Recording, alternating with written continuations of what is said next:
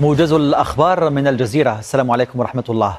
أنهى الرئيس الروسي فلاديمير بوتين الغموض بشأن مصير مالك مجموعة فاغنر يفغيني بريغوجين وقدم التعازي لعائلته وعائلات أفراد فاغنر الذين كانوا على متن الطائرة المحطمة. وقال خلال لقاء مع رئيس دونيتسك الموالي لروسيا إنه عرف بريغوجين منذ تسعينيات القرن الماضي كرجل أعمال موهوب. وأضاف أن بريغوجين ارتكب أخطاء وأنه اجتمع بمسؤولين في موسكو قبل حادث تحطم طائرته. نفى رئيس هيئة الأركان الأمريكية المشتركة مارك ميلي أي علاقة لبلاده على الإطلاق بتحطم طائرة بريغوجين قائلا إن مقتله ستكون له تداعيات في مناطق وجود فاغنر في العالم. وبينما تحدثت تقارير استخبارية أمريكية عن احتمال تفجير طائرة بريغوجين من الداخل قال المتحدث باسم وزارة الدفاع الأمريكية بات رايدر إن التقارير الصحفية بشأن تعرض الطائرة لصاروخ أرض الجو غير دقيقة. وأضاف أن مجموعة باغنر تمثل تهديدا حقيقيا وأن نشاطها في إفريقيا سيراقب. قالت وزارة الدفاع الروسية إن قواتها دمرت 42 طائرة مسيرة فوق شبه جزيرة القرم صباح اليوم.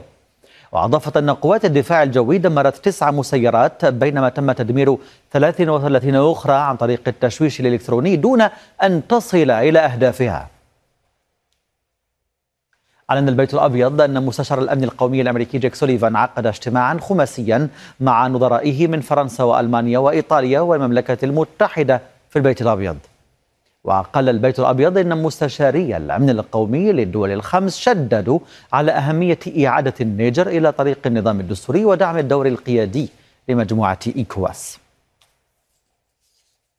نقلت رويترز عن بيان مشترك لوزارات خارجية النيجر ومالي وبوركينا فاسو أن قائد المجلس العسكري في النيجر الجنرال عبد الرحمن تياني خول للقوات المسلحة في مالي وبوركينا فاسو التدخل في أراضي النيجر إذا تعرضت لهجوم.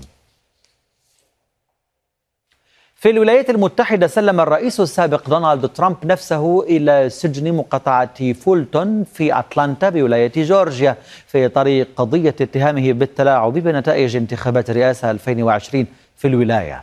وتم توقيف ترامب لفترة وجيزة حيث أخذت بصماته والتقطت له صور جنائية قبل إطلاق سراحه بكفالة حددت قيمتها ب ألف دولار. وقال ترامب عقب الإفراج عنه بكفالة إن الملاحقات الجنائية بحقه تدخل انتخابي كما ندد بما وصفه بالمهزلة القضائية بعد إجراءات توقيفه في ولاية جورجيا.